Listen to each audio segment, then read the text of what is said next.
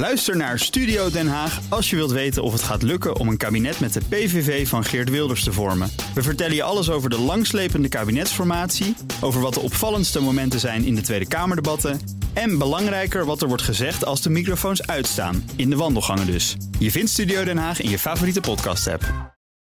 Alle lidstaten van de Europese Unie moeten hun conceptbegroting inleveren. En de vraag is of Italië zich iets heeft aangetrokken van de kritiek van de Europese Commissie. Die oordeelde eerder hard over de Italiaanse plannen om het begrotingstekort verder op te laten lopen. Dat bespreken we met het economenpanel vandaag. Bestaat dat uit Bert Colijn, econoom bij ING, Sylvester Eifinger, hoogleraar financiële economie aan de Tilburg University. En Menno Middeldorp, hoofdeconoom bij de Rabobank in Nederland. Welkom. En ook nog de gast is mijn zakenpartner van vandaag, Maria van der Heijden. Over de Italiaanse begroting. De Europese Commissie dreigde met boetes en ook met een aanpassing in de begroting die dan van Brussel zou worden opgelegd als Italië die plannen niet zou aanpassen. Heeft zo'n dreigement effect, Sylvester? Uh, uh, ja, uh, put your money where your mouth is, zou ik willen zeggen. Kijk, het grote probleem is natuurlijk geweest... er zijn al vaker dreigementen geweest richting Italië. Sterker nog, we zijn al ongeveer zes, misschien wel acht of tien jaar bezig. En op een zeker moment is er natuurlijk iets gebeurd. En dat was namelijk de uh, ingreep van de ECB. Hè, met uh, whatever it takes. Draghi, ja, die, die Draghi, in 2000... whatever it takes, de quantitative Ja, en dat heeft natuurlijk... De bedoeling was om Italië tijd te geven... om de hervormingen door te voeren... om de non-performing loans, de rommel op die bankbalansen op te ruimen... is niet gebeurd is niet gebeurd. En nu zit een regering die eigenlijk zegt: Nou, we hebben er eigenlijk maling aan. En dat is natuurlijk, en dan zie je gewoon dat op een zeker moment, ja, zachte heelmeesters maken stinkende wonden. Maar dat is het verleden. Wat gaat er in het heden gebeuren? Komt er een moment dat die dreigementen ook daadwerkelijk worden waargemaakt? Dat er een boete komt, dat er wordt ingegrepen vanuit Brussel? Of is dat toch nog altijd een stap? Zou men moeten doen.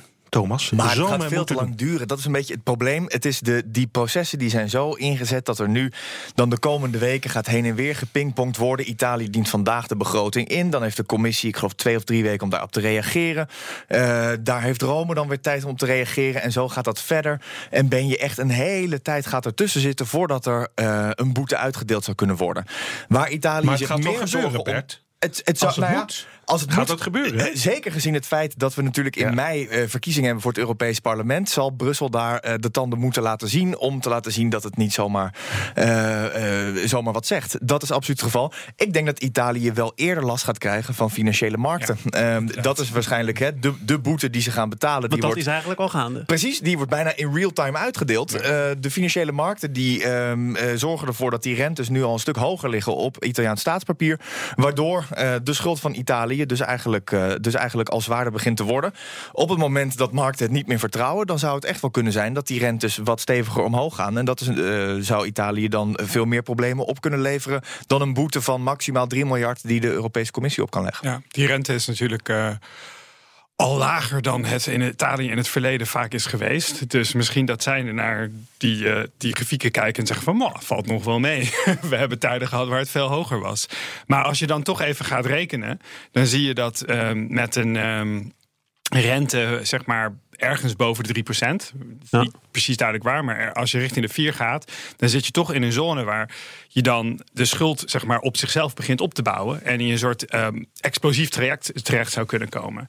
En dat betekent, nou, als je dan uh, de markten bent, dan denk je van, nou, als we het zover zijn, dan moet ik nog meer rente eisen voor, uh, voor mijn staatsobligaties in Italië. Dan gaat de rente nog verder omhoog en dan loopt het proces een beetje uit de hand. En dat, dat is natuurlijk wat min of meer tijdens de, of een, een deel van wat er gebeurde tijdens de Europa-crisis of de eurocrisis. Uh, Waar en, alweer angstvallig vaak naar wordt verwezen. Ja, want het is een reëel gevaar. Ja, als, je, kijk, als je daar die zone intipt, zeg maar, ja. dan, dan kan het gebeuren. Kijk, uh, Griekenland doe je nog in je broekzak. Nou ja, heb je wel wat broekzak nodig, maar het komt nog in de broekzak, om maar zo te zeggen. Uh, Italië doe je niet in de broekzak. Daarvan is al gezegd, dat valt niet te redden, dat, dat gaat mis. Dat valt niet te redden, dus met andere woorden, dit is nu serieus. Nu wordt het systeem echt getest. En natuurlijk, uh, die rentes gaan omhoog, dat is allemaal waar. Maar ik kan me nog herinneren, toen uh, Renzi nog premier was... toen de rentes omlaag gingen vanwege quantitative easing... weet je wat hij toen zei zei hij, nou, we hoeven die hervorming eigenlijk niet meer door te voeren. Want kijk eens hoe, hoe succesvol zijn de rentes dalen. Dat kwam natuurlijk door de ECB. Ja, het is maar hoe je de causaliteit legt.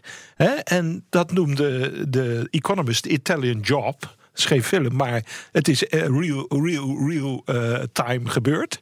En je ziet dus gewoon dus dat uh, die gaan toch tot het gaatje. En dan zal een moment moeten komen dat men inderdaad gewoon de tanden laat zien. Hoe geloofwaardig is dat als het, dat soort dreigementen voor een deel worden geuit door bestuurders, door parlementariërs uit landen waarin ook niet altijd even nauwkeurig met de regels is omgesprongen? Nou, je, maar iemand als Macron, Emmanuel Macron die beseft donders goed dat als men dit door laat gaan, dat dus ook de voortgang van de Europese integratie, die Macron met Merkel hopelijk nog uh, voor elkaar krijgt. Uh, dat is ook uh, wat onzekerder geworden na de laatste CSU-verkiezingen. Dat, zeg maar, dat Macron gewoon heel erg beseft wat hier op het spel staat. En als Frankrijk inderdaad zegt op een zeker moment, nou is mooi geweest. Frankrijk en Duitsland, dat is toch de as.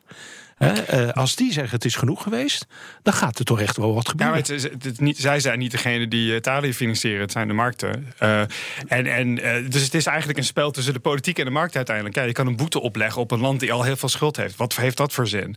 Ja. Um, hard roepen vanuit Noord-Europa maakt, maakt de, de, de politiek in Italië alleen maar bozer en meer bereid om, om zeg maar de EU te, links te laten liggen en hun eigen weg in te gaan. Maar is dat zo als je ook de risico's in kaart brengt? Want ik heb ook al mensen gesproken die zeggen... er wordt nu nog eventjes hard spel gespeeld. Relatief nieuwe regering die nog even moet laten zien... een stem op ons is iets waard geweest. Maar uiteindelijk zullen ze ook bezwijken onder alle rampscenario's die hier al worden geschetst. Nou, ik denk, maar nogmaals, voornamelijk omdat de markt, dat is waar ze hun geld vandaan moeten halen. En als die rente te hoog wordt, dan wordt het niet meer houdbaar. Dat is het fundamentele probleem. De rest van Europa, ja, we kunnen, we kunnen zeggen wat we willen, maar er zijn weinig middelen om daadwerkelijk iets af te dwingen. Totdat Italië uh, echt aan moet kloppen bij Europese uh, fondsen om, um, ja. om, om te betalen. En de, de, dus maar de markt zal de eerste, de markten zullen de eerste plek zijn waar, de, waar ja. de Italianen. Maar men dus één probleem met Italië: het ouderschap van Italiaanse bonds, staatsobligaties, is vooral in nationale handen. Dus dat betekent dat de internationale discipline iets minder zal zijn dat als dat houderschap ook zeg maar internationaal veel sterker. Nou ja, tegelijkertijd betekent het ook dat, dat de Italianen natuurlijk dan uh, wel zelf de, de pijn voelen. Precies, dus, ja, dus dat, dat zou ook Zeker. wellicht inderdaad voor Zeker. de regering iets, uh, iets kunnen helpen. Ja, het is wel interessant natuurlijk wat er vandaag ook uit die plannen komt. Want hè, er staat eigenlijk al wel min of meer vast, of het is al voor aangekondigd, dat de begrotingstekort op 2,4% uitkomt. Maar uh, er wordt nog geschoven met posten. En het is dan wel aardig om te zien of de Italianen nou eigenlijk hè, het, het meeste van het geld uit gaan geven aan, ja, laten we het maar de douceurtjes noemen naar de, de achterban van. Zoals pensioenen, zoals het basisinkomen. Basisinkomen, vlaktax, um, uh, wat, wat genoemd wordt. Um, of dat er ook structureel geïnvesteerd wordt. Want kijk, het is natuurlijk wel belangrijk voor Brussel. op het moment dat er investeringen in digitalisering. maar misschien ook in de infrastructuur. zeker ook na de, de brug in Genua, die, um, uh, die in elkaar gestort is. Een vrij relevant en actueel thema. Schuld van Europa, volgens sommige Italiaanse politici. dat, is, dat zou zomaar ongetwijfeld, zo, zo ongetwijfeld het geval zijn. Maar, maar op het moment dat daarin geïnvesteerd wordt dan is er een betere case te maken dat dat de Italiaanse structurele groei uh, zou gaan helpen dan uh, dat we het hebben over de voorstellen die nu zo prominent in het nieuws geweest zijn. Um, en daar moet het van hebben uiteindelijk. Uh, schuld wordt uiteindelijk draagbaar doordat je je economie groter maakt. En het grote probleem met Italië is nooit echt dat ze hun, hun uh, begrotingsbalans niet op orde kunnen hebben houden. Want ze hebben heel vaak een primaire overschot gehad. Dus ja. als je de rente niet meeneemt, dan hebben ze een overschot. Dat hebben ze al heel lang. Uh, Alleen ja, de groei komt niet op gang. De economie wil gewoon niet uh, uh, op over hele lange termijn, crisis of geen crisis, wil gewoon niet echt groeien. Maar en, dat komt door de hervormingen. En die hervormingen die zijn in de koelkast gegaan op het moment toen uh, de ECB met quantitative easing begon, met het opkoopprogramma. En daarmee is eigenlijk de prikkel verdwenen voor de hervormingen de Italian Job, wat ik, maar ook voor het opruimen van non-performing loans. Nou dat is ook Renzi had toch ook nog wel een paar dingen die hij wilde doen, omdat het politiek ja, systeem maar er is niet veel van terechtgekomen. Het is ook zo omdat hij zijn, zijn lot verbond aan dat, uh, aan dat grondwettelijk referendum en daar uh, ja, toen genoeg, uh, genoeg tegenstand tegen hem voor was. En eigenlijk is dat, is dat, is dat zonde Heel jammer. Ja, dat is heel jammer. Nu, nu zijn er mensen die zeggen die spanningen die lopen op. we zouden toch ook eens dat stabiliteit en dat groeipak tegen het licht moeten houden. We zouden de regels rondom dat pact moeten veranderen. En onder andere die 60 procent, die 3 procent, die percentage die Nederland allemaal uit het hoofd kent, vinden we allemaal belangrijk. Zou dit het moment zijn om dat allemaal aan te pakken? Ik zou je een, even één ervaring telen. Ik loop al erg lang mee. Zoals jullie weten, ik was uh, speciaal adviseur van de Europese Commissie bij DG ECFIN in 2004, 2005 met Marco Butti, de huidige directeur-generaal. En wij werden geacht voorstellen te doen, een whitepaper te schrijven over de hervorming van het Stabiliteits- en Groeipact. 2004, hè? 2004, 2005. Hè? De, de, de, de Fransen en de Duitsers onder Schreuder en de Italianen die hadden lak aan het uh, eh, SGP en het Stabiliteits- en Groeipact. En wij hadden twee voorstellen. Eén was flexibiliteit, daar bedoelden we niet mee handjes lichten, gewoon structureel overschot en tekort. Hè? Dus gecorrigeerd, geschoond voor de conjunctuur. Dat heeft het gehaald. En het tweede wat wij wouden was enforcement. Het heeft heel even in het concept van de uh, Europese grondwet gestaan. Wat bedoel je met enforcement? Enforcement, afdwingbaarheid. Dus met andere woorden, nu is qualified majority, dus twee derde meerderheid. Wat wij zeiden, er moet eigenlijk unanimiteit zijn. Dus als op dat moment het vingertje van Gerrit Salm zeg maar omhoog ging van ik verbied jullie dat was dan voldoende om op een zeker moment die sancties af te dingen. Heeft het niet gehaald. En waarom niet? Omdat de grote landen toen tegengestemd hebben. Helaas. En gaat er nu iets anders gebeuren? Gaat het nu wel misschien de keuring door? Uh, je moet van die qualified majority af. Uh, omdat de grote landen in die qualified majority, die tweederde meerderheid, te grote stem hebben. Dus je moet eigenlijk naar een systeem dat je zegt van luister eens, we kunnen alleen maar afwijken van de regels als er unanimiteit is. En dat betekent eigenlijk dat het al niet meer kan. Maar wat doe je dan als je. ja, je kan zeggen dat iets afdwingbaar is, maar hoe. Hoe beboet je een Italië? Uh, heeft de dat zin? Zijn er. Ja, maar je kunt. Je hebt de, je hebt, alleen het gaat om de afdwingen, het afdwingen maar wie van stuur je dan om de rekening te halen? Als ja, je... nee, het, het systeem is er. Ja, precies. Maar dat... excessive deficit procedure voorziet in het systeem. Alleen het is een politieke beslissing met, die met qualified majority moet worden genomen om het af te dwingen. We gaan het hebben over het economische en maatschappelijke belang van multinationals. Want dat is groter dan velen denken. Bleek eind vorige week uit onderzoek van het CBS. In 2016 kwam ongeveer een derde van de toegevoegde waarde in de economie door multinationals. Bert, is dat een opsteker voor Rutte? Um, nou, dat weet ik eigenlijk niet. Dit is, uh, in, uh, in veel landen is dat het geval. Uh, dat multinationals nou eenmaal een, ja, een groot onderdeel van de economie uitmaken. En in Nederland is dat, is dat zeker zo. Want wij hebben er gewoon een heel aantal. Als je dat vergelijkt met een land als België bijvoorbeeld. Ja, dat is, die hebben een, een, stuk minder van die echte grote bedrijven dan wij Het hebben. is niet zo, niet zo spannend. Hè? Ik las in de Volkskrant een column van Frank Kalshoven. Die zegt ja, dat het grootbedrijf een grote hap van de productie en de werkgelegenheid voor zijn rekening neemt. Dat is bijna tautologisch. Ja, het is wel leuk om te kijken van, van wie is dat groot bedrijf dan? Kijk, want mensen denken aan multinationals. En ze denken dan, dan hebben we het over ja, Unilever en andere dat soort bedrijven.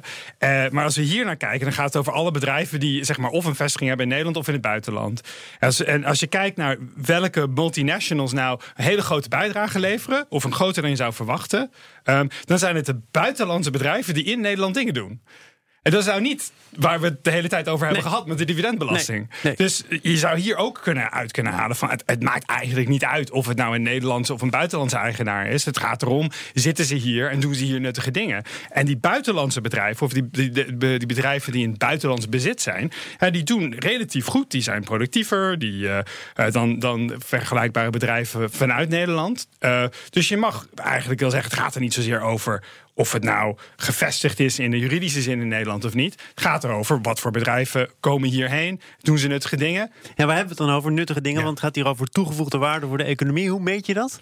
Ja, dat is letterlijk een, eh, een hoeveel uh, extra productie er komt uit die bedrijven. Dus dat is de BBP-definitie zeg, van, van, van waarde toevoegen. Maar er zit wel één probleempje bij, Menno. Uh, multinationals die hebben interne verrekenprijs. Dus met andere woorden, van de interne verrekenprijs van de multinational at arm's length, zoals dat eigenlijk hoort te gebeuren. Maar die kunnen daar manipuleren. Dus je kunt productie laten neerslaan in landen die een laag belastingtarief hebben. Denk aan Ierland. Microsoft, Dell. Waarom sloeg zoveel van de productie in Ierland neer? Omdat men minder belasting wou betalen. En dat kan een multinational doen. En ik wil eigenlijk, als ik eventjes toch naar wat donderdag gebeurd is. Eh, dat is toch wel heel eh, interessant. Er is een commentaar van het FD aangeweid. Bedrijfselite moet de boer op met woord en daad. Nou, toen zijn de president-commissarissen van de AEX-fondsen bij onze minister-president op bezoek geweest in het katshuis. Dat zijn ze in busjes geweest, niet in hun Audi's en Mercedes. Nee, ze moesten de achterbank delen. Nou, ik had liever gezien dat ze op de, op de fiets waren gegaan. Ja, dat, heeft was, het was nog nederig geweest. op de fiets. Nee, maar als je nou echt nederig uit wil uitstralen, moet je dat doen. En wat er gebeurd is, maar ik ben er niet bij geweest. De, de minister-president, Mark Rutte, die dus enorm veel politiek kapitaal verbonden heeft aan die dividendbelasting die heeft de heren en uh, misschien ook dames. Was geen dame bij. was geen dame bij. Nou, uh, de mantel uitgeveegd. En terecht, terecht. Want wat er gebeurd is natuurlijk, is men heeft gewoon een aantal dingen gedaan. Waarbij men gewoon de politiek de schuld heeft gegeven. Men heeft aangetoond dat men weinig gevoel heeft. Kijk naar Unilever. Voor politieke sensitiviteit. Hoe moeten politici op een zeker moment zo'n maatregel. Nou, we hebben dat sensibiliteit, daar kunnen we ook over Mark Rutte de afgelopen nou, nee, ik vind, ik vind, nee, hij heeft, hij heeft het heel moeilijk gehad. Maar ik bedoel, hij heeft toch die maatregel. Je kunt over oordelen. Volgens mij hij heeft hem verdedigd omdat hij een regeerakkoord. Nou, daar is hij heel consequent in geweest. Maar in deze discussie vind ik het ook interessant wat jullie precies onder economisch verstaan. Uh, want het ging al even over het economische en het maatschappelijke uh, belang. Dus of het nou een multinational van buiten of. Hè, het, het, gaat er vooral om dat je dat meeneemt, zeg maar, in, in het ondernemerschap. Uh, de vraag is altijd wel van hoe dat gewaardeerd wordt. Hè? Dus dat is een soort lange termijn focus. Ben ik even benieuwd naar hoe jullie daarnaar kijken vanuit. Ik, nou, ik, ik, vind, ik ben een stakeholder-denker. Ik weet niet wat jullie zijn. Nou, dus niet shareholder value. Nou, als je kijkt, nee, inderdaad, maar het gaat, het gaat hier in dit rapport van het CBS, kijken ze gewoon naar. Als we kijken naar bedrijven in Nederland die een multinational karakter hebben, dan heb je er twee soorten. Je hebt degene die Nederland zijn en hier dingen doen en in het buitenland. Die hebben ze het buitenlanders zijn en die ook hier dingen doen. En dan zie je gewoon dat het belangrijkste is wat ze hier doen. Dat is uiteindelijk waar het om gaat. Niet of het een buitenlandse bezit is of een binnenlandse bezit. En als je dan kijkt naar die buitenlandse bedrijven of eh, bedrijven die van buitenlanders zijn, wat ze in Nederland doen, mooie dingen. In ieder geval zeg, in, in de zin kijkt naar van hoe productief ze zijn. Ze zijn relatief productief. Ze exporteren relatief veel. Ze doen relatief uh, uh, veel die, uh, research and development. Het zijn allemaal dingen die nuttig zijn. En, en dat is eigenlijk een hele andere discussie dan over die dividendbelasting. Want die gaat over: um, maak ik het aantrekkelijk om een juridische vestiging in Nederland te hebben? Ja. En dit, dit vind ik wat ik goed vind aan het rapport. Is het teruggezoomd op de werkelijke vraag is: het gaat erom wat, wat doe je in Nederland? Niet van wie ben je. En, ja, Bert wilde ook nog even aan het woord laten? Ja, nee, ik denk dat dat, dat, dat absoluut belangrijk is. Het is daarnaast is volgens mij inderdaad ook belangrijk van... Hè, misschien niet eens van uh, wat zijn nu de grootste bedrijven... maar voornamelijk ook wat zijn de bedrijven die het snelst aan het groeien zijn. En wat dat betreft is het zo dat, uh, uh, dat Nederland natuurlijk een aantal succesverhalen heeft... van bedrijven die vooral in de technologie sector, regio Eindhoven... snel gegroeid zijn, de ASML's noem het maar. Ehm, maar dat daar misschien nog wel meer opvolging op zou, zou mogen komen... In, en dat, dat je wat meer doorspoeling zou krijgen met uh, de digitale revolutie met andere bedrijven. Weet je, en daar zou ik mee eigenlijk. Ik was altijd heel lang voorstander van bronbelasting. En waarom bronbelasting, niet dividendbelasting alleen op aandelen?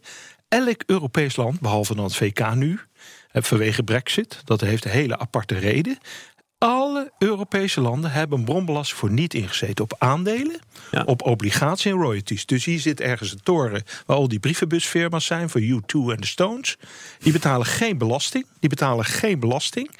Ik bedoel, als je dus zoals elk fatsoenlijk Europees land een bronbelasting invoert, heb je een hele brede belastingbasis op aandelen, obligaties, royalties. En kun je de tarieven ook gematigd houden. Dat was natuurlijk een veel betere variant. Maar ja, op een zeker moment is dit in het regeerakkoord gekomen. En dat begrijp ik wel. En dat moet men verdedigen.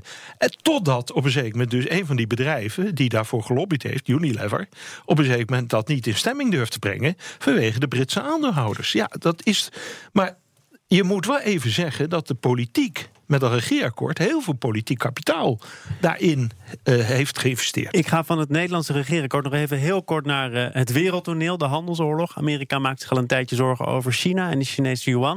Het zou een manier zijn om die te devalueren om het effect van de Amerikaanse invoerheffing op Chinese producten snel ongedaan te maken. Verloor dit jaar al 10% ten opzichte van de dollar. Is hier misschien wel opzet in het spel? Nou, de Chinezen die hebben middelen eh, om inderdaad hun wisselkoers te beïnvloeden. Maar waarschijnlijk zetten ze die nu in om te zorgen dat hij minder hard omlaag gaat dan die anders was gegaan. Uh, want ja, wat heb je? China die uh, krijgt een uh, dreiging van een enorme handelsoorlog die hun export aantast.